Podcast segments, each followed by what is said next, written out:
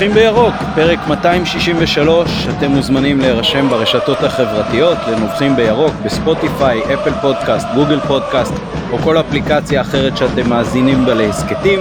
תעשו subscribe ותהיו ראשונים לקבל את כל הפרקים שלנו. איתנו הערב אורח מיוחד שמלווה את uh, מכבי כבר עשרות שנים ומפורסם בזכות עצמו מכל מיני כיוונים, ברק רום, סופר ספורט שהוציא לאור השנה ארבעה ספרי נוסטלגיית ספורט חיפאית וגם שדר כדורגל אנגלי בחברת צ'רלטון. היי ברק, מה שלומך? אהלן, ערב טוב, מצוין, תודה שאתם מארחים אותי. תודה לך שהצטרפת, איתנו כרגיל מתן גילאור, מה העניינים מתן? ערב טוב, כיף פרק רגוע בפגרה וכבוד גדול לארח את ברק. כן, הפגרה כבדה על כולנו. יונתן אברהם כרגיל נותן לנו את התמיכה הטכנית מאחורי הקלעים. אני עמית פרלה, והיום אנחנו נוותר על שלב הנביחות וישר uh, נצלול לתוך העניינים עצמם.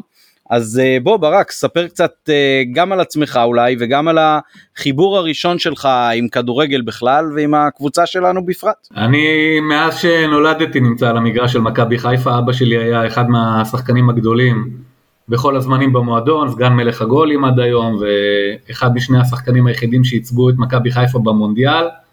זה המונדיאל היחיד שישראל העפילה אליו ב-1970 במקסיקו. אז uh, אני כבר בגיל שנה, יש לי תמונות באלבומים שאני רץ על המגרש של מכבי חיפה עם כל השחקנים. Uh, לימים זה התפתח, שיחקתי עד הנוער במכבי חיפה, אחר כך uh, פיתחתי קריירה של עיתונאי ספורט, אז uh, גם הגשתי את התוכנית היחידה של מכבי חיפה בטלוויזיה, בערוץ הקבוצות, היא הייתה תוכנית שלי, גם שידרתי בגל בטוח את כל המשחקים של מכבי חיפה בליגה וגם את המשחק הזכור בפריס סן ג'רמן שהרדיו מכר 15 אלף אה, עותקים מהשידור ההיסטרי ההוא של השלוש-שתיים, אחד המשחקים הראשונים בקריירה של יניב קטן. ועכשיו אני משדר כדורגל, לא באופן עקבי, אבל מדי פעם בצ'ארטון כדורגל אנגלי, היות ואני כבר לא, לא כל כך מעורב, אז אני בא מדי פעם. כשהתחילה הקורונה והסגרים ירדה לי העבודה, יש לי משרד יחסי ציבור בתל אביב, אני גר פה מ-2002, ואז התפניתי לכתוב ארבעה ספרי אה, ספורט, לא ידעתי שהם יהיו ספרים, זה התחיל בתור פוסטים לפייסבוק, ואז הגיעה הדרישה מהוצאות לאור, וזה נהיה ארבעה ספרים שבהם אני מספר באמת את כל מה שאני יודע מגיל 0 עד היום עד 53, על מכבי חיפה עם כל השמות הגדולים, יש סיפור על דוידוביץ' ועל אלון מזרחי ועל שלמה שרף ועל יניב קטן וכל מי שאתם רוצים, היה ארמלי שישבתי לידו במשחק הראשון שלו בבוגרים מכבי חיפה, באוטובוס של השחקנים לבלומפילד, ומיליון דברים ורגעים שלא ידעתי שאפילו אני זוכר, קצת כמו טיפול פסיכולוגי בעצמי ויצאו מזה ספרים נהדרים. יפה, אז על כל אלה ודברים אחרים נדבר uh, הערב. Uh, אז אתה אומר שיש לך תמונה בעצם uh, על הדשא כבר uh, בגיל שנה. ובכל כן. זאת מבחינת אה, זיכרונות ראשונים שחרוטים לך אה, בראש אה, מגיל ילדות נגיד איזה משחק אתה ראשון שזוכר כנראה שהיית בהרבה משחקים בגיל שאתה אפילו לא זוכר אבל איזה משחק נגיד ראשון אתה ממש זוכר שהיית בו. אני אגיד לכם אה, קודם כל קצת להכניס את הקהל היותר צעיר לעניינים תראו כשאני גדלתי אני נולדתי ב-68 כשהתחלתי ללכת לכדורגל ולזכור משהו נגיד זה היה 73-4 אבא שלי בדיוק פרש ב-72, הוא תקע שני גולים בחצי גמר נגד בית"ר ירושלים ב-1972 3-3, ואז הוא פרש, ממש אחרי המשחק הזה. ואני ב-73-4 התחלתי ללכת לאצטדיון דווקא עם סבא שלי, אבא של אבא, שאהד את מכבי חיפה, והם גרו ממש מול האצטדיון ברחוב צה"ל 35, שם העברתי בקריית אליעזר את רוב הילדות. הקבוצה הייתה מאוד אפורה, זה לא מה שאתם מכירים היום, אה, בטח לא אנשים בגיל של מתן, שכשהוא היה בן נוער ינקלה שחר פתח את הכיס ומכבי חיפה לפחות כל שנה שנייה זכתה באליפות. כשאני גדלתי, זה, זה, מכבי חיפה הייתה קבוצה מאוד אפורה, הכוכבים שלה היו מוני אדלר ואריה עפרוני ו, ושחקנים כאלה, יואב לוי שתקע גולים מקרנות, אנשים מאוד אפורים שלא היו קרובים בכלל לקבל הכרה של שחקני כדורגל מובילים ובטח לא זומנו אף פעם לנבחרת. אה, הראשון שפרץ את המשוואה הזאת היה השוער עמנואל מנו שוורץ, זיכרונו לברכה, שאיתו יש לי המון המון המון שעות, והוא בעצם היה הכוכב הגדול של מכבי חיפה, רק ללמדכם שהיא הייתה תלויה בשוער, וברוב המשחקים זה היה מין 0-0 מעצבן כזה, או 1-1, בימים ההם אה, לפחות 6 אה, או 7 עונות הקבוצה נשרה לליגה השנייה.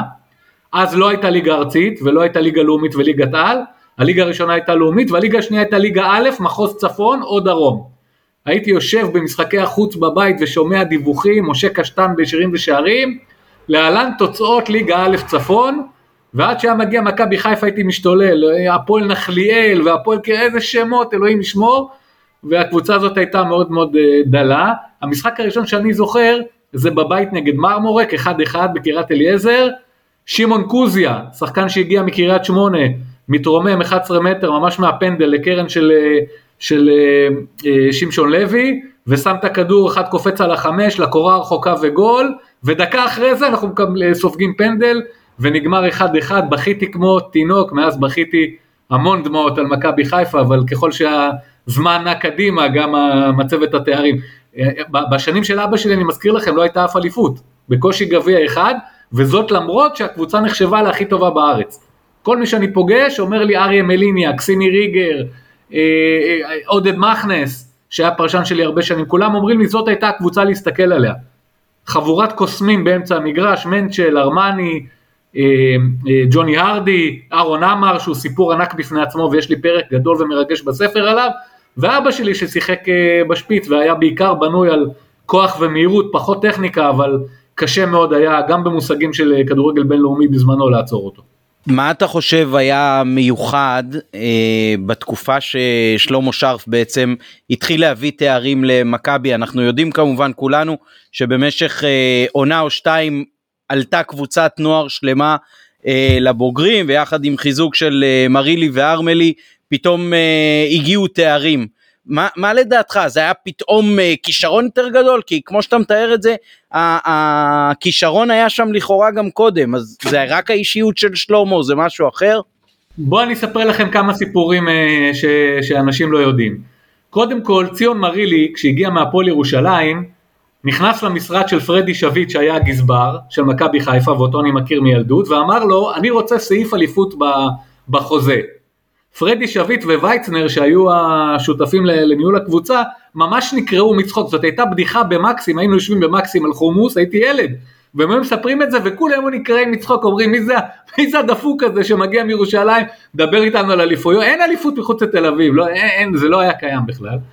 אה, וכמו שדייקת ואמרת אני, אני מוכן להישבע אלה שני שחקני הרכש הכי מדויקים שמישהו אי פעם הצליח להנחית בקבוצה מגובשת ושיעשו את ההבדל בצורה אמיתית, אני מדבר כמובן לישראלים. שני בינגואים שזה מחוץ לכל תחרות בכלל, אה, ציון היה כזה שחקן יפה, מגן שמאלי קלאסי, עם קרנות נהדרות, פנדליסט קבוע גם, ואיש מקסים, אה, השחקנים ממש השפילו מבט מולו בחדר הלבשה. הסיפור על ארמלי, זה שהוא הגיע משפרעם, לא יודע אם אתם זוכרים, אבל בגיל מבוגר, הוא כבר היה 26-7, ובאמצע העונה, הוא עבר במחזור השישה עשר לחצי עונה, אבא שלו ניסה להכשיל את המהלך והתחנן ואמר לו זי, היהודים האלה לא ייתנו לך להצליח, אני אוסר עליך לנסוע. זי הגיע במורל מאוד נמוך, ולמרות שהוא נתן חצי עונה נהדרת, הוא סבל מברוך ממן ברמה שזה אי אפשר לתאר, לממן היה פה מסריח, והוא קילל אותו באוטובוס, וקילל אותו באימונים וממש השפיל אותו וכשנגמרה העונה היה לי ראיון עם זי הייתי אז עיתונאי צעיר בקולבו בחיפה וארמלי אמר לי ממש אני זוכר את השיחה אני לא חוזר לפה בחיים גם הקהל קצת קילל את אשתו בזמנו על רקע גזעני כל, יש כל מיני סוגי אוהדים היום זה אה, כמובן איננו במכבי חיפה זו קבוצה עם קהל נהדר וגם העיר נהדרת מבחינת דו לאומיות אבל אז גם קיללו אה, בצורה גזענית קצת והוא היה שבור לגמרי עכשיו מה עשה את ההבדל? שלמה שרף במחזור ה-11 בעונה של האליפות הראשונה יצא לשחק ביפו. תקשיבו טוב, הקבוצה הייתה בשליש התחתון של הטבלה והיה ברור לכל עיתונאי הספורט, היה דיבור שאם הוא מפסיד, מכבי חיפה נלחמת על הירידה באופן ברור ושלמה הולך הביתה. אני זוכר, אה, ישבתי עם אלי גוטמן ועם אה, אה, אבא של רוני רוזנטל איזוליקה וכולם ידעו, דיברו על זה בהנהלה ובאוהדים, אם מפסידים ליפו נגמר הסיפור. 3-0 ביפו, את הגולים תוקעים שחקנים שאתם בכלל לא זוכרים שהיו, כמו ראובן אלד גול אחד, ו- ו- ושיחקו לפני סלקטר ורוני, ובקבוצה החליטו לזרוק את רוני רוזנטל, יוחנן ולח שהיה חצי גזבר, חצי אה, חבר הנהלה, נלחם עליו בשיניים להשאיר אותו, ומאותו רגע התחילה התעופה של מכבי חיפה למעלה וסוגרים פער של 13 על בית"ר. אה, שלמה הביא איתו בעיקר את החוצפה, שאתם מכירים יותר טוב כבר ממני אפילו היום, אה, ואת הגסות רוח הזאתי של, אה, של, של להפסיק להתבייש, אנשים הסתכלו על ויקי פרץ ובני טבק וממש הורידו את העיניים והיה לא נעים לנסוע לתל אביב, כמה נקבל בדרך ווואו תראו אותם, תראו את ירון עוז, תראו את מיקו בלו, תראו את אבי כהן, כולם התרגשו, כשבא שלמה הוא ממש צרח עליהם ו, ואסר עליהם להתרגש ולהחליף חולצות, הקשיחות והחספוס הזה של העגלון הכפר סבאי יחד עם הכישרון ויחד עם הטירוף שהכניסו שני שחקני הרכש והמנהיגות הנהדרת של ציון מרילי בצד החיובי, הכל ביחד התגבש, אבל אה, אף אחד במהלך העונה הזאת לא תיאר שזה ייגמר עם אליפות, זאת הייתה אה, הפתעה מאוד מאוד גדולה.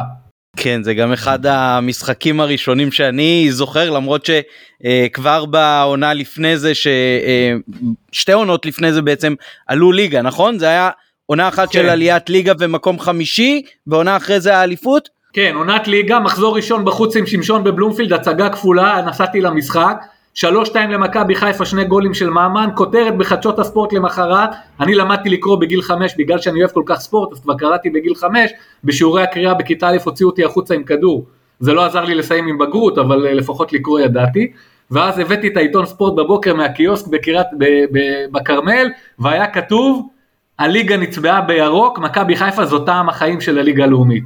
אני לא אשכח את זה בחיים, עטפתי את עצמי בכיתה עם העיתון הזה ולא לא זרקתי אותו בחיים, זה היה בשביל חיפאי לשמוע מכבי חיפה, טעם החיים של הלג, וואי וואי וואי וואי, שלוש שתיים על שמשון, שני הגולים תקע לנו גדעון דמתי, אבל היה אירוע נהדר וזו הייתה ההתחלה של העידן החדש.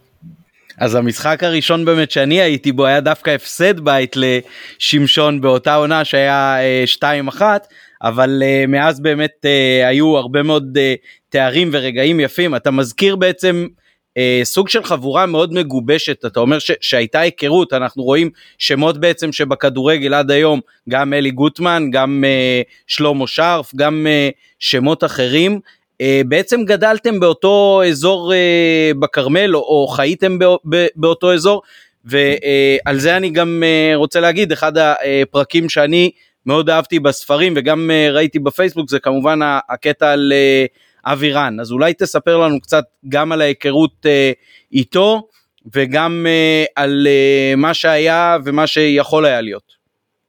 קודם כל מכבי חיפה הצמיחה בשנתון הזה חבורה שנקראה לגנאי באותה תקופה הכרמליסטים זה מאוד מצחיק להגיד עליהם כרמליסטים כי אף אחד לא בא מהכרמל אבל אנשים לא אכפת להם הם לא באמת בדקו אלא מי שגר אז בדרך הים, איפה שאני נולדתי, עברתי 18 דירות שכורות מדרך הים למטה עד הכרמל, כשההורים שלי התגרשו כל שנה החלפתי דירה, אבל תמיד זה היה בדרך הים. אז אני גרתי באמצע בין אה, פיני שרון הפיזיותרפיסט לאלי גוטמן, מולי בחרוב 16, אני חרוב 11, רוני וליאור, בית מתחתיי אבי רן, בית מעליי דורון פטשניק שהיה מגן שמאלי של נבחרת ישראל בנוער ומכבי חיפה, ובאותו רחוב איקסי בוכבינדר, מלך הסלים בכל הזמנים של מכבי חיפה ועוד ועוד אה, אה, אנשים, אבל רוב האנשים האלה באו ממקומות אחרים, מקריית אליעזר, ניר קלינגר אה, מאחווה בקריית אליעזר, רוני רוזנטל אה, והמשפחה גרו בקריות, אבי רן גר בכלל בקריית חיים והתחיל בהפועל חיפה בתור ילד. אז הקבוצה הזאת נקראה כרמליסטים והם היו חבר'ה מאוד מגובשים. אני כעיתונאי ספורט אה, צעיר הייתי אה, חמש שנים פחות מהם בגיל, כשהם התחילו בבוגרים להיות בולטים 20-21, אני הייתי לפני צבא. והסתובבתי איתם כל הלילות, בחוף הדרומי שהיה אז בים, שתינו בירות ואבטיח עם גבינה מלוכה, במילק בר צביקה, יש לי מיליון מיליון מיליון אירועים, תמונות בראש ודברים שלא ידעתי אפילו שאני זוכר, כשהתחלתי לכתוב הכל יצא. אבי היה החלק הכי שקט בחבורה, רוני רוזנטל היה יותר אה, שמח ומבדח, אה, ליאור היה ג'וקר בחבורה הזאת, ניר קלינגר היה מנהיג מאוד מאוד דומיננטי, וניר הוא זה שהביא את אלי גוטמן, הוא פתח איתו בר בדרך הים 5, לבר קראו סרווסה, מי ששטף שם כלים היה גיא פלג, שהיום הוא אחד העיתונאים המוערכים ביותר בחדשות 12, הוא היה שוטף כלים, ואשתו של ניר מיכל הייתה המלצרית הראשונה בבר וככה הם הכירו. אז הכל שם נקשר, גם האח הקטן של אלי גוטמן, אה, גילי, גם הוא לימים נהיה אה, שותף, ואז הם הביאו את אשר פליקס נעים לתוך החבורה, הוא ב, ב, לפני כמה שנים אפילו אימן בליגת העל, נדמה לי בסכנין. אז אה, החבורה הזאת הייתה מאוד מלוכדת והיא אה, הובילה את מכבי חיפה באותם השנים ונתנה את כל ה drive. אבי היה החלק היותר שקט, אבי היה מאוד מאוד מופנם, אה, כישרון אה, אדיר, אבל אה, עם יד על הלב, השנה שבה הוא נהרג הייתה בסך הכל השנה השנייה שבה הוא הציג יכולת גבוהה. עד אז הייתה לו בעיה מאוד קשה ביציאות, וזה מדהים להגיד כי אחרי שנה זה הכל התחלף. התמונה הכי מפורסמת שיש לי בראש של אבי, זה דווקא יציאות לכדורי גובה בשנה האחרונה, כשהוא קטף את הכדורים ביד אחת, ממש עם כפפה אחת, ושם אותה מהאוויר לתוך החזה, ואי אפשר היה לגעת בו בכדורי הגובה. זה היה הפוך לגמרי ברוב השלבים הראשונים. אה, שלמה שרף ידע שיש לו אוצר ביד, והוא התנהג איתו בקשיחות אה, מקסימלית באימונים, הוא היה בועט לו את הכדורים לצדדים, צורח עליו שהוא מעשן וקורא לו בן טיבוגה ונשאר איתו 40 דקות אחרי האימון, אבי היה יורד ממש סחוט, אה, אהב מאוד סיכונים אבי, הייתה לו אלפא רומאו שחורה, היה נוסע במהירויות מטורפות, היום היו מורידים אותו מהכביש, אפילו רוורסים בדרך הים נגד התנועה לפעמים, וכשמכבי חיפה בקיץ נסעה למחנה אימון, הוא היחיד מכל הקבוצה שעלה להר למעלה וקפץ עם מדריך בדאון, כנגד ההנחיה של ההנהלה. הוא היה טיפוס מאוד, אה, אהב מאוד להסתכן, אהב מאוד מהירויות, אה, הוא היה לדעתי משהו כמו חצי שנה מלהתחתן עם גלית עטיה שהייתה הילדה הכי יפה בבית ספר חוגים וישבה איתי באותו שולחן, היינו ממש כיסא ליד כיסא, היא גרה בדרך היה 143, ב-141 מורן אטיאס הדוגמנית. אז כולם היו ככה בית ליד בית, וזאת הייתה אה, טרגדיה אדירה. בשבעה של אה, אבי, אני כתבתי אז בזמנו בעיתון חדשות, העיתון הראשון שהביא צבע לישראל, ובעמוד האחורי הייתה כותרת אלוהים למה, נתן אותה אבי רצון העורך, ואני גרתי אצל אבי בבית בשבעה, ותיארתי כל יום על שני עמודים את המהלך, ניר קלינגר אה, ישן איתי בחדר של אבי, שם את השרשרת שלו, ואמר למשה, לאבא של אבי, מהיום אני הבן שלך, אל תדאג, אני נכנס לגור פה, אני לא חוזר הביתה. הטראומה בחיפה הייתה, הייתה פשוט, אני, אני יודע שזה יישמע קלישאתי, אבל העיר, העיר לא חזרה לעצמה, ב, לפחות בשנה הקרובה, משהו טראומטי ברמה שאני לא הכרתי, אה, ממש דגל בחצי התורן, התמונה הזאת של אבי יורד בקפה הבנק עם המכנסיים הקצרות של הנבחרת, שולח רגל מחוץ ל... לאלפא שלו עם הטישרט הלבנה, אתה יודע, אני ממש רואה את זה כרגע שאני מדבר איתכם, איזה אלוהים הוא היה בגוף, עם הרגליים הרזות והארוכות, הוא היה חטוב ושרירים, כתפיים אה, רחבות ומותניים צרות, ממש דוגמנית בהיקפים, וכולם העריצו אותו מאוד, הוא, הוא היה בשיא היכולת שלו באמת, ולא פלא שאחרי כמה חודשים הגיע הזימון לנבחרת שאר העולם, משהו אה, לא הצליח לנצל. אה, עוד משפט אחד בעניין, בוני גינצבורג שהוא חבר טוב וגם גר מולי וגם שידרנו יחד גם בערוץ אחד ובערוצים אחרים, אה, הוא השוער שהגיע להחליף את אבי אה, אחרי הטרגדיה הזאת, והוא הרים לי טלפון הביתה ואמר לי בוא תלווה אותי לאימון הראשון, ואני זוכר שנכנסנו לאצטדיון של קירת אליעזר, זו תמונה שבחיים לא תצא לי מהראש, בוני רעד, רעד, הוא הגיע אז ממכבי פתח תקווה, הוא ממש רעד, והאוהדים הסתכלו עליו והיה שקט מקפיא, אי אפשר היה לתאר את ה... את החלל ואת הבור הענק הזה שהוא נכנס לתוכו. אבי היה בעיניי פוטנציאל להיות אחד מהעשרה, 12 שוערים הכי גדולים באירופה. היה לו הכל, בזמן שהוא נהרג, הכל, לא היה חסר שם כלום. וההצלה נגד דייגו מרדונה בארגנטינה, שכל העולם ראה שדייגו רץ לחבק אותו, רק ממחישה את הוורסטיליות, האחד על אחד, את העוצמה, את הכוח המתפרץ, את הניטור המטורף מהרצפה למשקוף, וגם את היציאה לכדורי גובה שהתחילה כאסון, ונגמרה בתור הפסל אולי, מה שמנציח אותו. כן, אה, אולי אם לחבר קצת למה שקרה אחר כך, אה, והזכרת את אה, ניר קלינגר, שגם היה סוג של אה, מנהיג בתוך החבורה הזאת, וגם אה, כמו שתיארת, את הקשר המיוחד אה, גם עם משפחה של אה, אבי זיכרונו לברכה. עד כמה לדעתך זה מה שגרם אחר כך אה, לזה שהוא עבר ליריבה הגדולה אולי של אה, מכבי לתל אביב? ניר קלינגר יכול היה לעבור למכבי תל אביב שנה אחת לפני זה, ובהצעה כספית גבוהה יותר מה, ממה שבסוף נסגר. אה, הוא היה זה שהתעקש להישאר עוד שנה, מכבי חיפה כבר הייתה אז אה, קבוצת אמצע טבלה מאוד אפורה, והוא התעקש להישאר כדי אה, איכשהו שהטראומה הזאת תהיה פחות קשה, אבל בנפש שלו הוא היה גמור.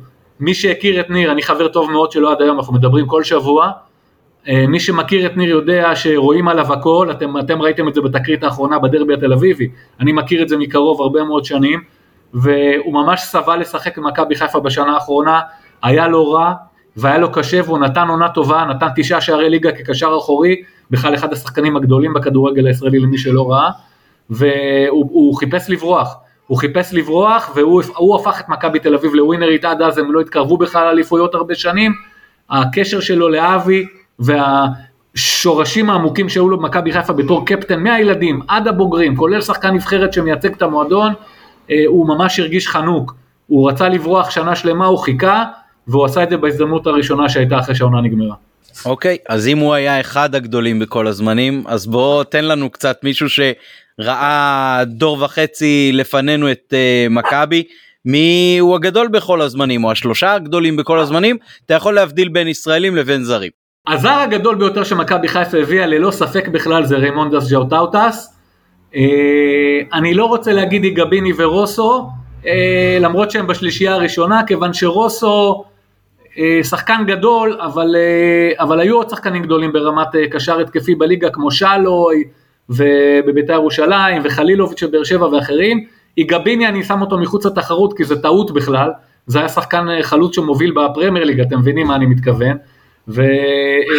וריימונדס ז'וטאוטס עשה את מכבי חיפה קבוצת אה, אה, לגיטימית בליגת האלופות, הקשר האחורי הכי גדול שראיתי משחק בארץ, שומר בשביל כולם, תמיד פרליה ורוסו הסתלבטו עליו שהם רצו קדימה, הסתכלו אחורה ועשו לו סימנים עם היד שהם סומכים עליו, חילוץ כדור, positioning, החזקת כדור, מיקום קלאסי ושחרור מהיר, אה, בעיניי הזר הגדול ביותר וגם בן אדם, משהו מטורף, נחמד וצנוע ושקט, בחדרי הלבשה קראו לו professional, הוא הגיע אלינו מלטביה עם שריר התאומים הכי גדול שראיתי בחיים שלי, 40 דקות לפני כולם על הדשא, חצי שעה אחרי כולם יורד, בדרבי נגד הפועל חיפה בגלל שהוא היה כל כך טוב, ניפצו לו את השלט, הוא גר בליבריה 2 בדניה, אז אה, אוהדי הפועל חיפה כנראה ניפצו לו שם את השלט הגדול והיפה שעשו לו בהנהלה, ז'וטאוטס עם הסמל הלטבי, מישהו ניפץ לו אותו עם סלע, הוא, הוא היה באמת מחוץ לליגה, זה היה, ידעת שכשהוא משחק, אתה לא משנה מה תעשה, זה, אתה בידיים טובות.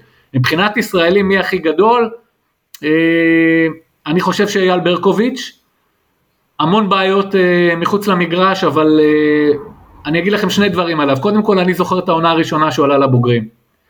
וכשהוא היה קם להתחמם, הוויברציות ביציעים וההר הגעש הזה של הלחישות והקולות, אני, אני ממש רועד עכשיו שאני מדבר איתכם, אני, אני בתוך החיזיון ואני מרגיש את זה בעצמות. כשהוא היה קם להתחמם, שלמה היה עושה לו בוא נודני, ככה הוא היה קורא לו, אני ישבתי מאחוריהם בספסל עיתונות, כל הקהל היה קם על הרגליים, אתה ידעת שבחצי שעה הזאתי משהו, דברים מוזרים הולכים לקרות, הוא היה כל כך לא צפוי, הוא היה כזה חוצפן, כזה עם ביטחון עצמי, כזה רואה קדימה מהלכים, שכזה דבר עוד לא ראיתי, ואלכס פרגוסון אמר יום אחד שהוא בין עשרת המוסרים הגדולים בהיסטוריה של הליגה האנגלית, תבינו על מה מדובר, אה, בעיניי הגדול מכולם. אה, אגב, כששלמה היה ממאן אה, להכניס אותו, נגיד הייתה מתקדמת, השעון היה מתקדם ל-65-70, הוא היה עובר לו מול הפנים בכוונה, ומסתיר לו את המשחק. ושלמה היה צורח לספסל שיעיפו אותו משם ואייל לא היה נכנע והיה מקלל אותו בתור ילד בן 16 וחצי קללות איומות, איומות, ששלמה היה שומע אבל מבליג בשכל והעונה הראשונה הזאת הייתה, ידעת שזה הולך להתפוצץ, זה פשוט היה מטורף ואני חושב שרוני רוזנטל הוא השני, הרבה הרבה הרבה פחות כישרון אבל uh, מוסר עבודה רצחני, כשהוא עבר לבלגיה, גם סיפור מעניין, אני זה שיצאתי בכותרת הראשית בחדשות כשהוא לא הופיע לאימון הבוקר וכתבתי רוני בדרך לברוז' ולמכבי חיפה אמרו שהוא בעקירת שיניים, אבל בגלל שהייתי שכן וגרתי מולו והכרתי את כל האחים והאחיות, את הסיפור היה לי, אחר כך המשפחה לא דיברה איתי שנה וחצי עד שסלחו לי, אז אה, אה, רוני ניצל 100% מהפוטנציאל שלו, במשחק הראשון שלו בברוז' היה גביע אירופה למחזיקות גביע נגד ספרטק מוסקבה בחוץ, שלושה ימים היה שלג במוסקבה, השחקנים של ברוז' הלכו להתחרפן, הם כבר לא ידעו מה לעשות. יאן קולמנס, החלוץ הכי גדול בתולדות בלגיה, עישן, אני חושב אולי שלוש חבילות ביום, בלובי, הם לא ידעו מה, הם עלו, עלו על הבריקדות, ורוני ישב בחדר, וכל פעם שקראו להתאמן הוא ירד עם הטרנינג ועלה ולא דיבר מילה, האופי שלו היה חריג ויוצא דופן גם מבחינה אירופאית ברצינות וההתמדה, והוא עשה קריירה אדירה, הוא הביא את האליפות הלפני האחרונה לליברפול ממש ברגליים שלו, שבעה גולים בשמונה משחקים. והשחקן השלישי ש...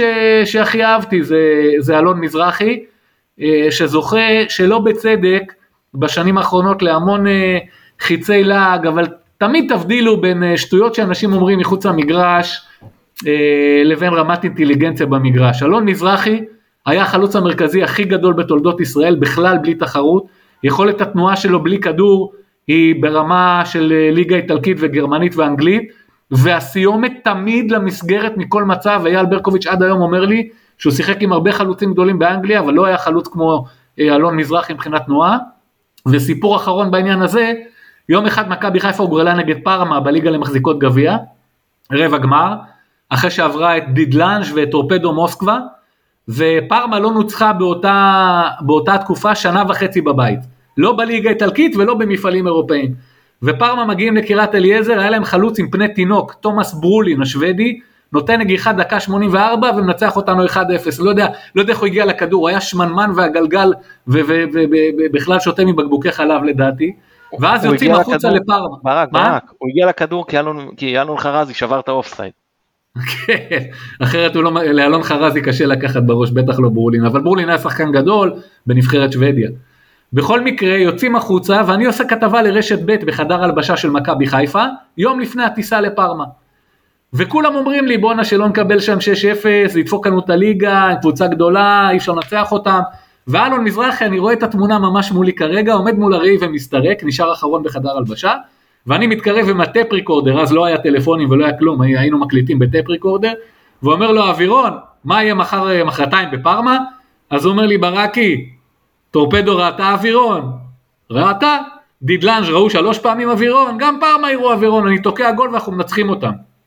ואני נקרע מצחוק והכל ומספר את זה בשדה תעופה לחבר'ה, רבותיי מחצית ראשונה, מקבל את הכדור מזרחי, הוא לבד בחצי המגרש מול שלושה לבנים, עושה להם הטיה ימינה והטיה שמאלה, חצי נופל, חצי מועד, חצי בועט שפיץ דרדלה, מכבי חיפה מנצחת 1-0 בפארמה, היא היחידה ב-18 חודשים שמנצחת את האימפריה האיטלקית, גול של האווירון, הבן אדם הזה רוצח קר רוח חסר מצפון, ענק הענקים. אה, אנחנו צריכים רק להגיד למאזינים שלא קיבלת את השאלות מראש וזה הכל אה, מהזיכרון.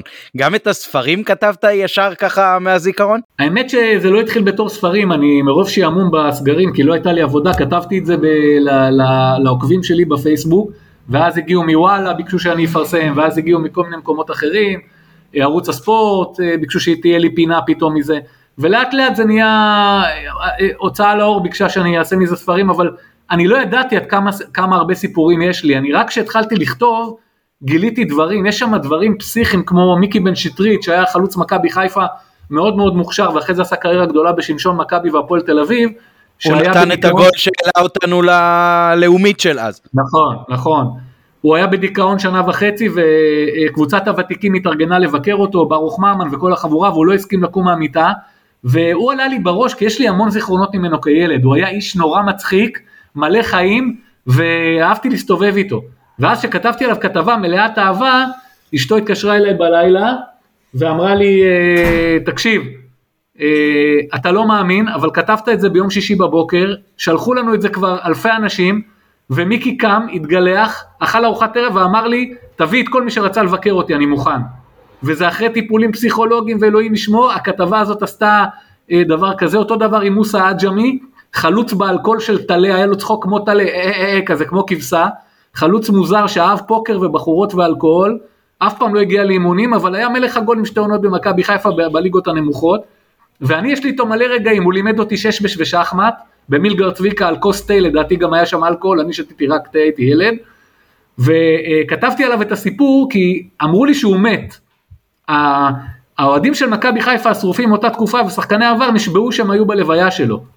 ואחרי כמה שנים מישהו אמר שהוא הומלס, שהוא פגש אותו בברוקלין בתחנת אה, רכבת תחתית, והוא אמר הוא הומלס, נתתי לו כסף, איך אתה יודע? כי צעקתי לו מוסה, הוא הסתובב, הסתכל עליי וברח בריצה.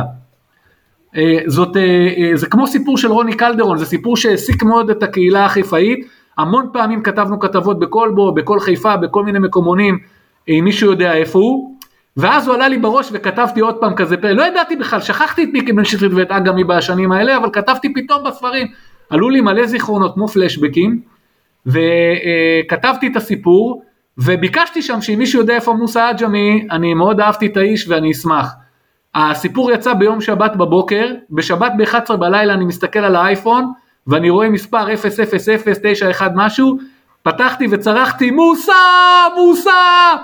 ואני שומע את הקול של הכבשה, אה, אה, אה, אה, ישר ידעתי שזה הוא, זה לא השתנה, והוא חי ועובד בחנות רהיטים בברוקלין וגר קומה אחת מעל החנות, ואני זה שבישרתי לו שבאותו, ששבוע לפני זה נולדה לו נכדה, הוא לא ידע, אבל מהקבוצת ותיקים אמרו לי, ודרכי הוא ידע שיש נכדה ושלח להם כרטיסי טיסה, אז כן, נזכרתי במיליון דברים, יצאו מזה המון דברים משמחים, אבל בספר כתבתי את האמת, לא, לא חסכתי כלום על אהרון עמר ועל ברוך ממן, כתבתי גם את הדברים הקשים שאני יודע, הכל באהבה גדולה, אבל כדי שאוהדי הכדורגל יזכרו את האנשים ויכירו אותם. אה, ואנחנו צריכים לתאם עם מכבי שלמי שיש גרין פלוס בחנות רהיטים של מוסא עג'מי תהיה הנחה של 10%. אה, שווה נסיעה לברוקלין בעיקר בשביל קווין דורנט עכשיו. נכון. Uh, תגיד, אתה מדבר על הרבה מאוד כוכבים של uh, הרבה שנים אחורה. Uh, מה אתה חושב ההבדל הכי דרמטי בין הכוכבים של אז לכוכבים של היום? זה רק העניין של רשתות חברתיות או שזה שינויים סוציו-אקונומיים אחרים? כי זה נשמע שהכוכבים של פעם היו במובן מסוים הרבה יותר uh, נגישים לכל מי שחי בסביבתם והכוכבים של היום הם ככה קצת יותר בשמיים. זה בכלל לא אותו עולם, אני בא לי לבכות במקום לענות, אבל לבכות לא יעזור לך בפודקאסט, אז אני אנסה לענות. כל השחקנים של מכבי חיפה באותם שנים הסתובבו עם הקהל והיו חברים שלנו. כשאלירן אלקיים קרץ את הרצועה הצולבת בפעם השנייה, אני הייתי עיתונאי ספורט שמסקר את מכבי חיפה והמערכת התפרצה בבכי, כי הוא היה אחד מהאנשים הכי מקסימים ומופלאים שהכרנו, והוא ריסק את הרגליים ונגמרה לו הקריירה. אנחנו הכרנו את האנשים באופן אישי, הסתובבנו איתם, בילינו איתם, הם היו באים לעיתון לשתות קפה איתנו. זאת הייתה חברות ואחווה חיפאית ש... איפה, עם מי, עם מי אתה יכול לעשות כזאת אחווה? עם חזיזה, עם אצילי?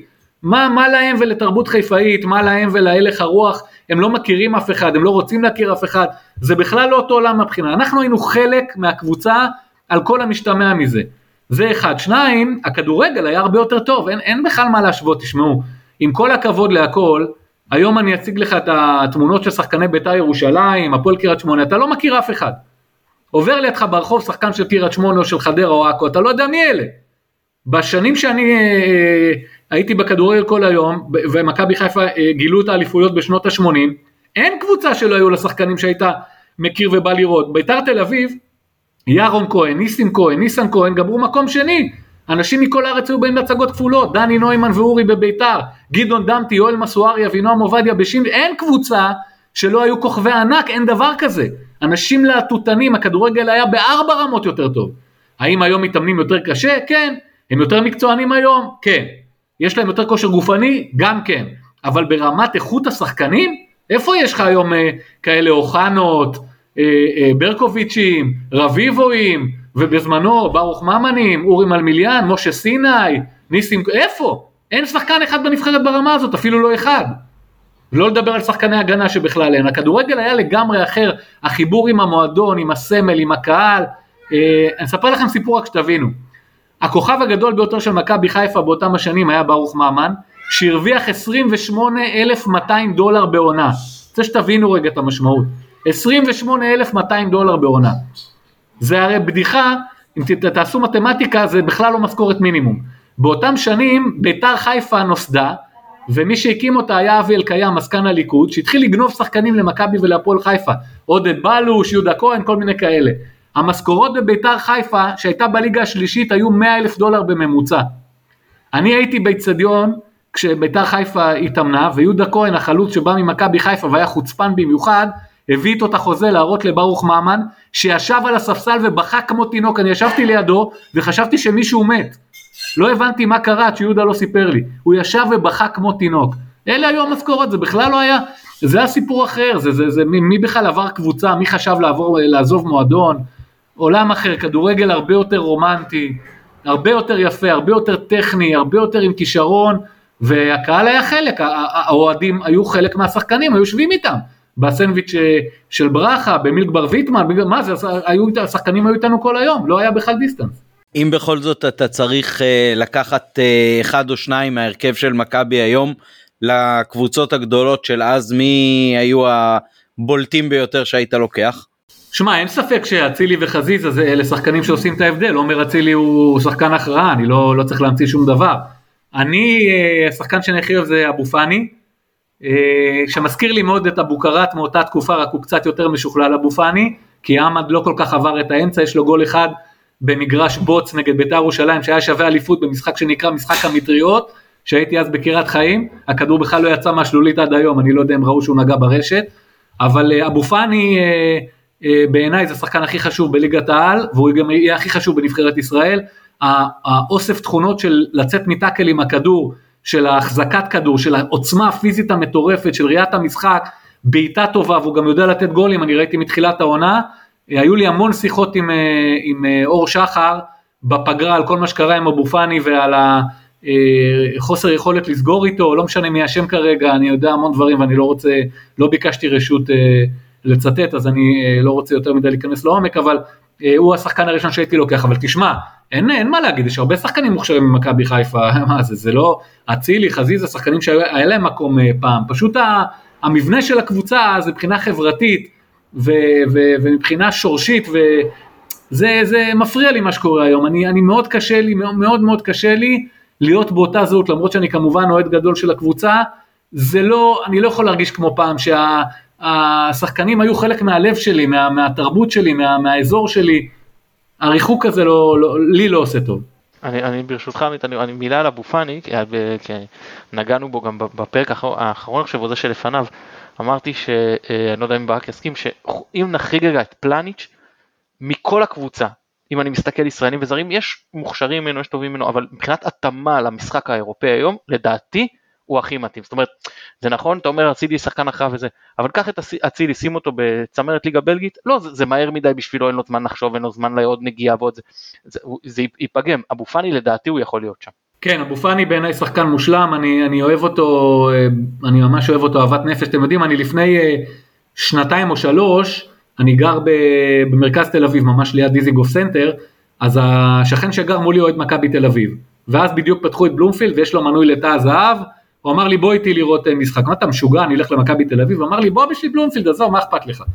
באתי ונפלתי על מכבי תל אביב חדרה 0-0, אני בדקה השמינית אמרתי לו תקשיב טוב, כל הסיפור שלך עם מכבי תל אביב, ה-16 הזה של חדרה, זה השחקן הכי גדול שראיתי בעשור האחרון, לקח לי שמונה דקות, אני פשוט התאהבתי, הבן אדם הזה מרסק אותי, הוא, הוא נכנס לי ללב, הוא כדורגלן אדיר אדיר אדיר. כן האמת שגם במשחקים שהיה יחסית הרבה קהל שהקבוצת נוער שיחקה במוקדמות של הצ'מפיונס אה, ואז הרבה קהל נחשף בעצם לשחקני נוער כי זה לא כמו פעם שהנוער היה משחק לפני הבוגרים והכרת את כל השחקנים מגיל 15-16 אה, בטח נכון. את הכוכבים אז אה, כש, כשראו את אבו פאני מה שעבר לי בראש בתור מי שגם קצת מאותגר בענייני גובה זה שכל הזמן יש לו את הדרייב הזה להוכיח שלמרות שהוא כאילו יותר קטן מכולם הוא יכול לא פחות והוא חזק לא פחות זה זה לפחות מה שעבר לי בראש ואני חושב שזה מאוד מאוד מחזק אותו.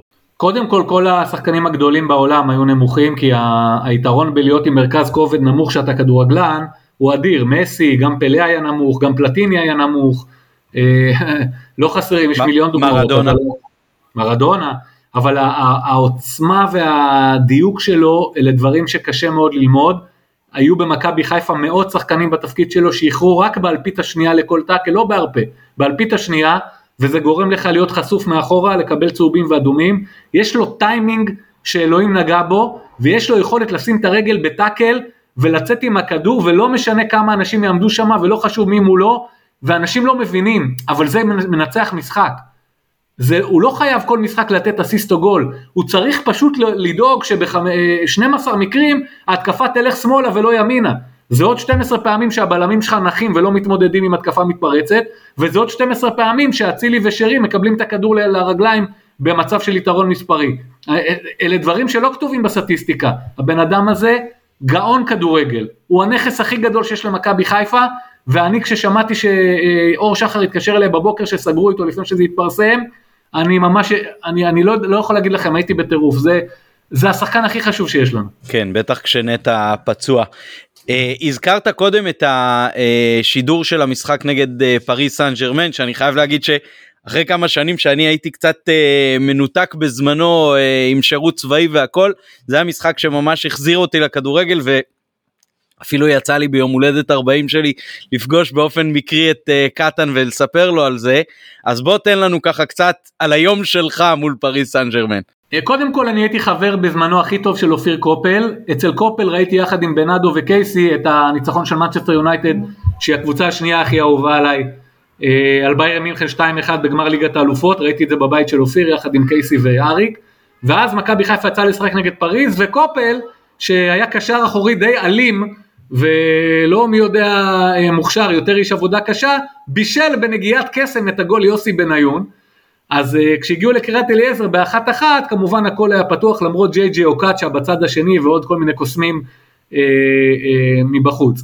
עכשיו אבא שלי לא ראה כדורגל באותם הזמנים הרבה שנים והתחננתי לפניו שיבוא להיות הפרשן שלי בשידור. Uh, ובגלל שזה היה ערב חגיגי כפריז והכל הוא גם הסכים, לי, היה, היה לי איתו יום נהדר באותו יום, לא היו לי הרבה ימים כאלה ארוכים עם אבא, שהלך לעולמו בינואר האחרון וזה יום מאוד זכור לי. אה, עלינו לעמדת השידור שלוש שעות לפני, איצטדיון קריית אליעזר אה, הגיע באותו היום לעוצמות ולווליום שאני לא זוכר, מין, מין, מין רעש שאתה אתה כל, הכ... האירוע היחידי שאני אה, שמעתי כזה רעש זה אנגליה ספרד ב-96 הייתי עם רוני רוזנטל ביציע באליפות אירופה וחשבתי שהמגרש קורס, הקירות התחילו להזדעזע בכזה ווליום, ככה היה בקריית אליעזר. המשחק התחיל נהדר, המון קצב והמון אווירה, ובגול של אה, ג'יי ג'י אוקוצ'ה 2-2 שומעים גם בשידור שאני אני ממש נגמרתי, אני, אני, אני, זה המשחק היחידי שהתקשיתי להמשיך לשדר ולהבדיל בין האהדה הגדולה שלי לבין המשימה המקצועית. אה, אני נחלשתי ודעכתי ואמרתי מכבי חיפה נפרדת מהמפעל וממש רציתי לבכות, אם לא הייתי מתבייש הייתי בוכה. ואז היה הרגע הנהדר הזה של יניב קטן, שזה המשחק השלישי או הרביעי שלו בבוגרים, שמול הרספרנדטה הזה הבלם מקפיץ אותו ומשנה לו את הכיוונים. ועוד פעם אני אומר לכם רק אלון מזרחי מכל העולם יכול לעמוד ליד דגל הקרן מול שני שחקנים ואיכשהו לבעוט ככה שזה ישרוט בברך יחתוך את הקרסול ינשוב בין הפוני של הבלם הראשון לקשת של הבלם השני והכדור עולה למעלה ואני צורח כמו מטורף ואני זוכר את ברנר למה מסתכל וגם מסתנוור קצת מהפרוג'קטור, והכדור נופל ואנשים ביציע קמצנים בסטלה מאריס, מחליפים משקפות כדי לוודא שזה נכון, ואיכשהו זה נוחת בפינה הרחוקה הגבוהה, כולנו עמדנו, אני צרחתי ובכיתי, שומעים את זה בשידור כמו מטורף. ביום ראשון התחילו להתקשר אנשים לרדיו, והמפיקה של הרדיו חשבה שזו בדיחה.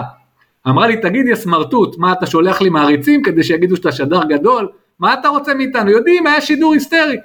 התברר שזה לא צחוק, הרדיו החליט לה, אה, להדפיס באותו יום אה, קלטות, נמכרו 15 אה, אלף, וכל שבת שהייתי מגיע לאצטדיון, אז אתם זוכרים את השיירות האדירות בדרך לקריית אליעזר ברחוב צה"ל, הייתי שומע את עצמי, מכל החלונות בדרך הייתי מחנה רחוק והולך ברגל ושומע את הקול של עצמי, זה באמת היה, בעיניי זה היה השידור הכי טוב, אני בכלל אהבתי יותר לשדר רדיו מכל השנים בטלוויזיה בליגה האנגלית ובכלל, ואירוע אירוע שמישהו מכבי חיפה ב-DNA, אני חושב שהוא לא ישכח אותו לעולם, זה, זאת הייתה קבוצה קסומה עם, עם, עם, עם ערב גדול, עם מעמד היסטורי, עם, עם, עם שרשרת ניצחונות, בלתי ניתנת לתיאור, ו, ובעיניי, בשבילי היה כמובן רגע השיא כשדר.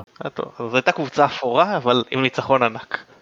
לא, כן. זאת הייתה קבוצה גדולה, תשמע, היה לך קישור של אה, קופל, נגר וארומטקו, אה, וגם... ארומטקו היה חלוץ, הוא היה חלוץ מרכזי, אה, לא. חלוץ חיזוק, אבל אתה צודק, הקישור לא, לא היה... לא, ארומטקו היה קשר, ההתקפה שלנו הייתה דורו, בניון ומזרחי. רומטקו הגיע כחלוץ, התפקיד שלו היה כחלוץ, אבל לא משנה, לא ניכנס לזה, יכול להיות שהוא שיחק בקישור באותו, באותו אירוע. אני אומר בגדול שה... אה, דווקא בגלל שהסגל יחסית היה אז יותר אפור, הקבוצה הייתה גדולה, הקבוצתיות הייתה גדולה, החיבור היה גדול, אה, בנאדו באחת העונות הגדולות שלו ותענוג גדול. כן. אה, בוא תספר לנו אולי קצת יותר על הספרים שיצאו מהקטעי פייסבוק. יש איזושהי אה, אה, שונות ביניהם מבחינת נושאים וזה, ואיך בכלל מי שמאזין ומעוניין לרכוש, איך הוא קונה את הספרים? מי שרוצה יכול למצוא אותי בפייסבוק, זה הכי קל ולשלוח לי הודעה פרטית, ברק רום באנגלית. הספרים הם שונים בתכלית, הספר החיפאי הוא ספר חיפאי, קראתי לו חיפה נגד שאר העולם. כי זה מה שהרגשתי בתור ילד ביציאה של קריית אליעזר, ואני יודע בביטחון מלא שככה הרגישו כל השחקנים וה, וה, והמועדון באותם השנים. אה, אני ניסיתי להביא גלריה של אה, סיפורים מכל התקופות, כי גם, גם בעיניי זאת הייתה שליחות שאנשים למשל הכירו את אהרון עמר. אהרון עמר לדעת רבים מהאנשים שהם מעל גיל 60, היה הכדורגלן הגדול ביותר בארץ בכל הזמנים.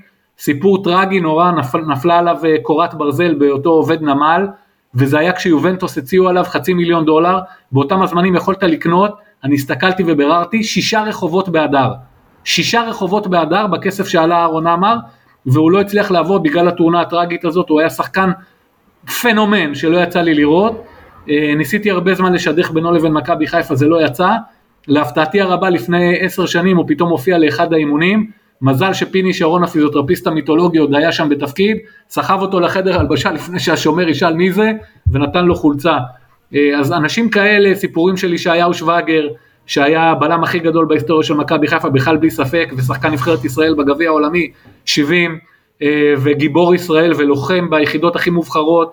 אה, אלה סיפורים שהרגשתי מצווה גם לספר, מנו שוורץ, שהיה האליל הבלעדי בשנות ה-70 המאוחרות של כל ילד בקריית אליעזר, כולם קפצו על הממטרות ורצו להיות שוערים, ואיזה דמות הוא היה, איזה אל יווני, מטר תשעים, עיניים כחולות, אה, שיער חום גלי עד הכתפיים, כולנו רצינו להידמות, התחפשתי אליו בפורים, שלוש שנים ברציפות, תקשיבו, אלה, אלה, אלה גלריות וברוך ממן, אוי ואבוי למי שלא זוכר ואוסף אה, קטעים שלו, החיבור בין ציון לאיתן, שכתבתי על זה פרק נהדר טלנובלה, איך התחברו שני עולמות, הפלאח מצרופה והאינטליגנט האריסטוקרט משכונת רמות בירושלים, שבעולם רגיל לא היו אומרים שלום אחד לשני, בטח לא ציון לאיתן, ואיזה חיבור נהיה שם של אחים בדם, ההוא שבא מהפלחה בארבע בבוקר וההוא שבקושי הצליחו להעיר אותו לאימונים.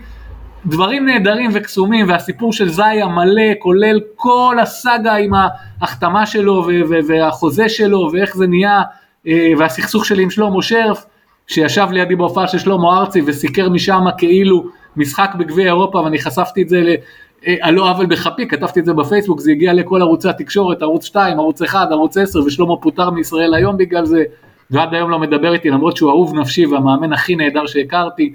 אה, כל הדברים האלה אספתי אותם ווואו יש לי עוד מאות כאלה אבל בספר כבר שמתי כמעט 250 עמוד אז הייתי צריך לעצור, אז הספר הספציפי הזה באמת עוסק ב... הייתי קורא לזה תולדות מכבי חיפה, אבל אני אומר לכם כבר, הכל אמת. אני לא חסכתי כשהיה צריך לתת בראש, ואני תיארתי את האנשים בול כמו שחשבתי, וכמו שניתחתי אותם פסיכולוגית, כי אני ממש מכיר אותם אה, מקרוב. הקדשתי גם פרק נהדר לעמד אבוקרט, שהוא אחת הסיבות לאליפויות הראשונות של מכבי חיפה, ואף פעם, אף פעם לא נתנו לו קרדיט. מספר 6, הקשר האחורי הצנוע, שלא יכולת להעביר שום מסירה במגרש בלי שהכדור יפגע בו, אין דבר כזה. כל פעם שהיריב מסר, פגע לעמד בשוק, במגן עצם, בכתף, אי אפשר היה להעביר, להעביר אותו, והוא אף פעם לא ביקש לעצמו כלום ולא התראיין, הרוויח הכי מעט, עבד הכי קשה, איזה איש נהדר. אה, כאב לי נורא בסגר האחרון ששמעתי שמכבי חיפה פיטרה אותו מהתפקיד שלו במחלקת הנוער, אחד האנשים המופלאים והמושלמים שהכרתי ושחקן כדורגל עצום בתפקיד כפוי טובה לחלוטין. אז כל האנשים האלה, אה, אה, ממש כתבתי, ועל אייל ברקוביץ' כמובן, סיפור של עשרה עמודים, יש לי איתו מאות שעות, מאות שיחות עם טובות ורעות, קללות ואיומים לצד חיבוקים ובילויים. אה, באמת עברתי הכל עם הקבוצה הזאת, באמת הכל. אם אפשר לפחות בכותרת כן. על הספרים האחרים גם, כאילו באיזה נושאים הם עוסקים? כדורגל ישראלי של פעם, אה, חלק מהשמות אה, הזכרתי, ויקי פרץ, בני טבק, אה, מלמיליאן, כל הסיפורים האלה שיצא לי לארח אותם בחיפה.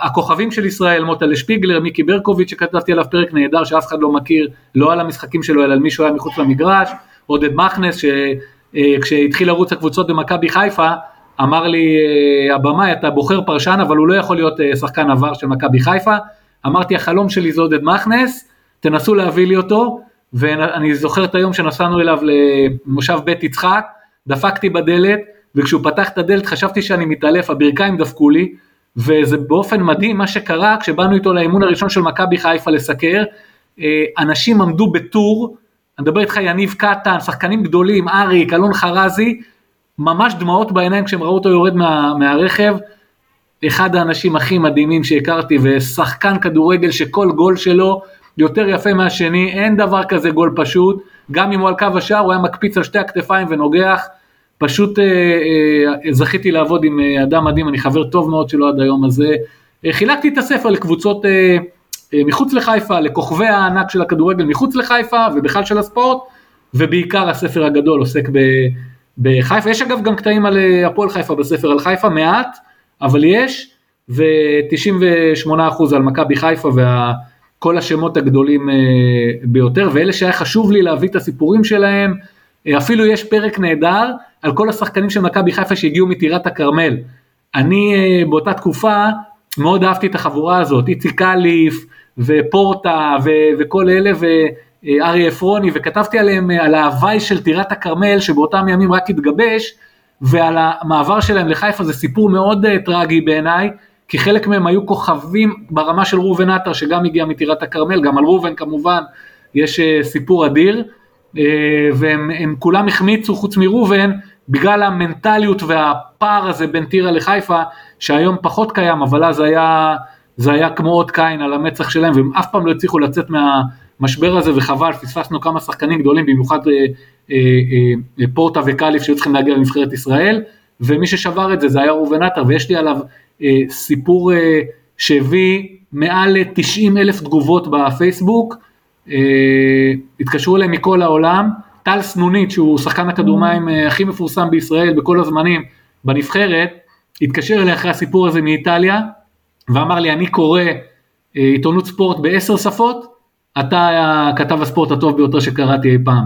ועמוס שוקן מעיתון הארץ אמר שאני המוצרט של המילה הכתובה, כל זה בעקבות הכתבה הזאת, אז אה, כמו שעשה לא טוב הסיפור הזה גם פרסם אותי ועזר לי למכור ספרים. נמכרו אגב 2,500 ספרים ירוקים על חיפה נגד שאר העולם, אני לא עשיתי את זה בשביל כסף, אה, זאת לא הייתה המטרה, הוצאת הספרים עלתה 150 אלף אה, שקל מכיסי ואני לא, לא, לא חיפשתי לחלץ את הכסף חזרה, זה לא עניין אותי, אני נכנסתי לטראנס והיה חשוב לי להביא את הסיפורים, אה, אני לא, אני לא, לא עסקתי במכירה בשביל פרנסה. טוב מתן צריך לארגן לך איזשהו עותק מצונזר בלי הקטעים על הפועל חיפה אני מבין. יש לי, יש לי גם מצונזר בלי הפועל חיפה. בבקשה הנה במיוחד זה גרסת למהדרין מה שנקרא. נכון, נכון. אם יורשה לי אם אני צריך לקחת משחקני העבר שחקן אחד אה, למכבי חיפה היום אז אה, אני לוקח את אה, זי ארמלי ורק אה, ככה בשבועות האחרונים התחדד לי אם אני צריך לספר למישהו על זי ארמלי ו- ולהשוות אותו לאחד השחקנים של היום אז הוא מאוד מאוד מזכיר לי את אה, מוחמד סאלח. אם אתה צריך לקחת מכוכבי העבר למכבי של היום את מי אתה מביא? ארמלי לא דומה בכלום למוחמד סאלח, תן לי לאכזב אותך. אה, קודם כל הוא לא ביכולת המסירה, לא בראיית המשחק, לא בטכניקה העילאית של סאלח, שתי רגליים וראש, אבל אתה צודק מהבחינה של הקילריות והווינריות, אולי באופי. אה, סאלח אה, שחקן הרבה יותר משוכלל. זי היה מאוד חזק ומהיר, ועם היכולות האתלטיות הפיזיות האלה הוא, הוא דפק את המערכת, והייתה לו טכניקה מוזרה, הוא התחיל לשחק בגיל מבוגר, כשהוא העביר אנשים זה היה נראה כמו משהו רשלני כזה, אבל בגלל שהוא היה כל כך חזק ומהיר, גם אם ברח הכדור חצי מטר, הוא היה מדביק אותו. אני ראיתי אותו עובר את מריו זוכוביצקי, השוער של ירושלים, שלוש פעמים באותו משחק. ארבע אחד, שלושה, שלוש פעמים הוא עבר אותו, כל פעם היה נראה שהוא נופל ונתקל קצת uh, כמו רוני רוזנטל עם הכדור, אבל uh, בעיטת תותח בשתי רגליים והבחירה שלך היא טובה. אם אני צריך לבחור שחקן אחד מפעם, אה, וואו, זה מאוד תלוי באיזה תפקיד, כי היו באמת הרבה שחקנים טובים בהרבה מאוד תפקידים. אה, אני הייתי בוחר את אבי, אני הייתי בוחר את אבי רן, אה, כי, כי הכי מסקרן אותי לראות איך הוא היה בכדורגל של היום, ו, והכי מגיע, הכי מגיע ל, לו ולאוהדים של היום, לראות שוער ברמה עולמית בגיל 24, תוצרת בית, אני חושב שזאת הייתה מהפכה, אם אנשים היו מבינים מה הם רואים, אנשים הולכים הביתה שיכורים, לא, לא, לא היה דבר כזה, לא היה לנו אף פעם שחקן ברמה עולמית כזאת. אבל אתה צודק, ארמלי זו בחירה נהדרת. אני, אני אגיד לך משהו על ארמלי, שעמית ואני בקורונה היינו יושבים ביציע העיתונאים במשחקים. ואז אה, ארמלי ומרילי היו שם, והזכרתי לארמלי שכשהוא היה בהפועל, היה להם משחק נגד מכבי תל אביב, והם כבר ניצחו, והוא חשב שהוא שם את השער השלישי. נכון. הוא בעט מכלום, אולי חמישה מטרים, והסתובב כבר עם ידיים מונפות למעלה, והכדור הלך מעל השער, הוא, הוא לא ראה את ההחטאה של עצמו. זה העלה חיוך כשהזכרתי לו את זה. אני אגב, אם אני צריך לבחור שחקן, את ארמלי יצא לי לראות ממש בשלהי הקריירה, אה, אני אגיד שאם אני צריך לבחור שחקן להביא למכבי זה גם יהיה חלוץ כי זה כרגע מה שהכי חסר לנו אבל אם אני זה ישראלי אז אני הייתי לוקח את האווירון. בטוח שזו בחירה טובה. כן זה זה שחסר לנו גם חלוץ זה גם בטוח. גם נכון. אה, אולי ככה לסיכום איך אתה רואה את אה, מכבי של העונה מה אתה צופה לה עד סוף העונה אולי אפילו באירופה אם אתה חושב שעוד יש סיכוי לאיזושהי הפתעה ולעלות שלב או חצי שלב ככה לפלייאוף של המפעל הזה? לא תהיה נקודה נוספת בקונפרנס לצערי. אה, הבית שמכבי חיפה קיבלה הוא אכזרי מאוד, אנשים לא מבינים אה, עד כמה אכזרי. אה, הקבוצות האלה מפראג וברלין, זה לא, חבר'ה זה לא צחוק ובטח לא מהולנד, זה, זה לא דומה בכלל לבית של מכבי תל אביב. ואני חושב שגם בהתחשב בנתונים האלה נתנו הופעה מאוד מכובדת, אז לצערי אנחנו ניפרד מהמפעל, אבל זה לא אומר כלום, הייתה הופעה מאוד מאוד יפה. אה, הליגה, תשמע, התשובה שלי תפתיע אותך, אבל אני חושב שאם אה, מכבי חיפה לא אלופה השנה, זה מחדל אה, פסיכופתי, זה, זה כאילו באמת, זה, זה מצחיק, זה אין, אין נגד מי להתחרות, מכבי תל אביב זה קטסטרופה, ובאר שבע היא לא מספיק רצינית בשביל ללכת עד הסוף, ואני לא זוכר שנים כאלה שהליגה הייתה כל כך פח, אז עם כל ההתלהבות והרצון לחגוג ניצחונות בליגה, אני חושב שזה יהיה הישג די טריוויאלי, והוא די מתבקש, ולא שיש לזלזל בו, אבל האליפות uh, הזאת צריכה להיות הוראת קבע, אני לא רואה אופציה אחרת. טוב, האמת שגם uh, אצלי בהחלט uh, מתגבשת התחושה ש-it's ours to lose, בטח אם uh, לפחות חלק מהפצועים uh, יחזרו לסגל ולא יהיו לנו עוד uh, אכזבות כאלה מבחינת הכשירות הגופנית בהמשך העונה אז אבל הסגל ב... גדול הסגל גדול ורחב ינקלה פתח את הכיס ונתן לברק בכר באמת את כל מה שהוא רצה יש לקונה בעמדת החלוץ המרכזי אבל בגלל ש... יש כל כך הרבה שחקנים גולרים במועדון, וגם uh, מי שיש בהתקפה יודע בסוף לתת גולים, הם לא חלוצים uh, סקוררים גדולים, אבל היתרון uh, בסגל בעיניי הוא מוחלט. אם לא יקרה משהו קטסטרופה, אני לא רואה אופציה שזה לא ייגמר באליפות. טוב, אינשאללה. המון תודה ברק. בכיף, היה לי כיף גדול להיות פה, ואני כמובן אעקוב מעכשיו אחרי כל פודקאסט שלכם, תענוג גדול ונאחל בהצלחה לירוקים. יופי, תודה רבה, אנחנו כמובן אה, נשים גם קישורים לפרק עם רוני רוזנטל שהיה אצלנו ועוד חלק מהכוכבים שהתראינו אה, וגם אה, לפייסבוק שלך כדי שמי שיתעניין יוכל אה, לרכוש את הספרים ולקרוא. המון המון תודה. תודה גם למתן גילאור. בכיף. תודה רבה גם ליונתן אברהם. כן, מתן בבקשה. יהיו עוד פגרות ואנחנו נשמח אם ברק, אני הרגשתי, אני יוצא עם טעם של עוד מהסיפורים האלה, מבחינתי אפשר להמשיך עוד שעות ככה. פשוט תענוג. כן לגמרי. אני, מתי שתרצו אותי אני אתייצב בשמחה, אני מלבד שאני, מלבד זאת שאני נהנה לדבר על כדורגל כמו שראיתם, לא צריך לשאול אותי יותר מדי, אז uh, יש, יש המון שחקנים שפשוט מגיע להם, אתם יודעים, האוהדים, הגיל הממוצע הוא מאוד צעיר, וזה ממש כואב לי שחלק מההיסטוריה הזאת לא מגיעה, ואני הייתי, הייתי מאוד שמח אם האנשים היו מכירים את ההיסטוריה והשורשים והאנשים שעשו את הסיפורים האלה מאחורי הקלעים, זה, זה לא הכל רק אייל ברקוביץ' וראובן עטר, יש עוד המון אנשים טובים ומוכשרים. כן, נכון מאוד. תודה רבה גם ליונתן אברהם שנותן לנו כרגיל את התמיכה הטכנית מאחורי הקלעים, אני הייתי עמית פרלה, מייחל יחד איתכם לסיום הפגרה, חמישייה באוניון, נקליט עוד פרק אחד לפני זה בעזרת השם, שיהיה לנו המשך שבוע טוב. תודה רבה ולהתראות.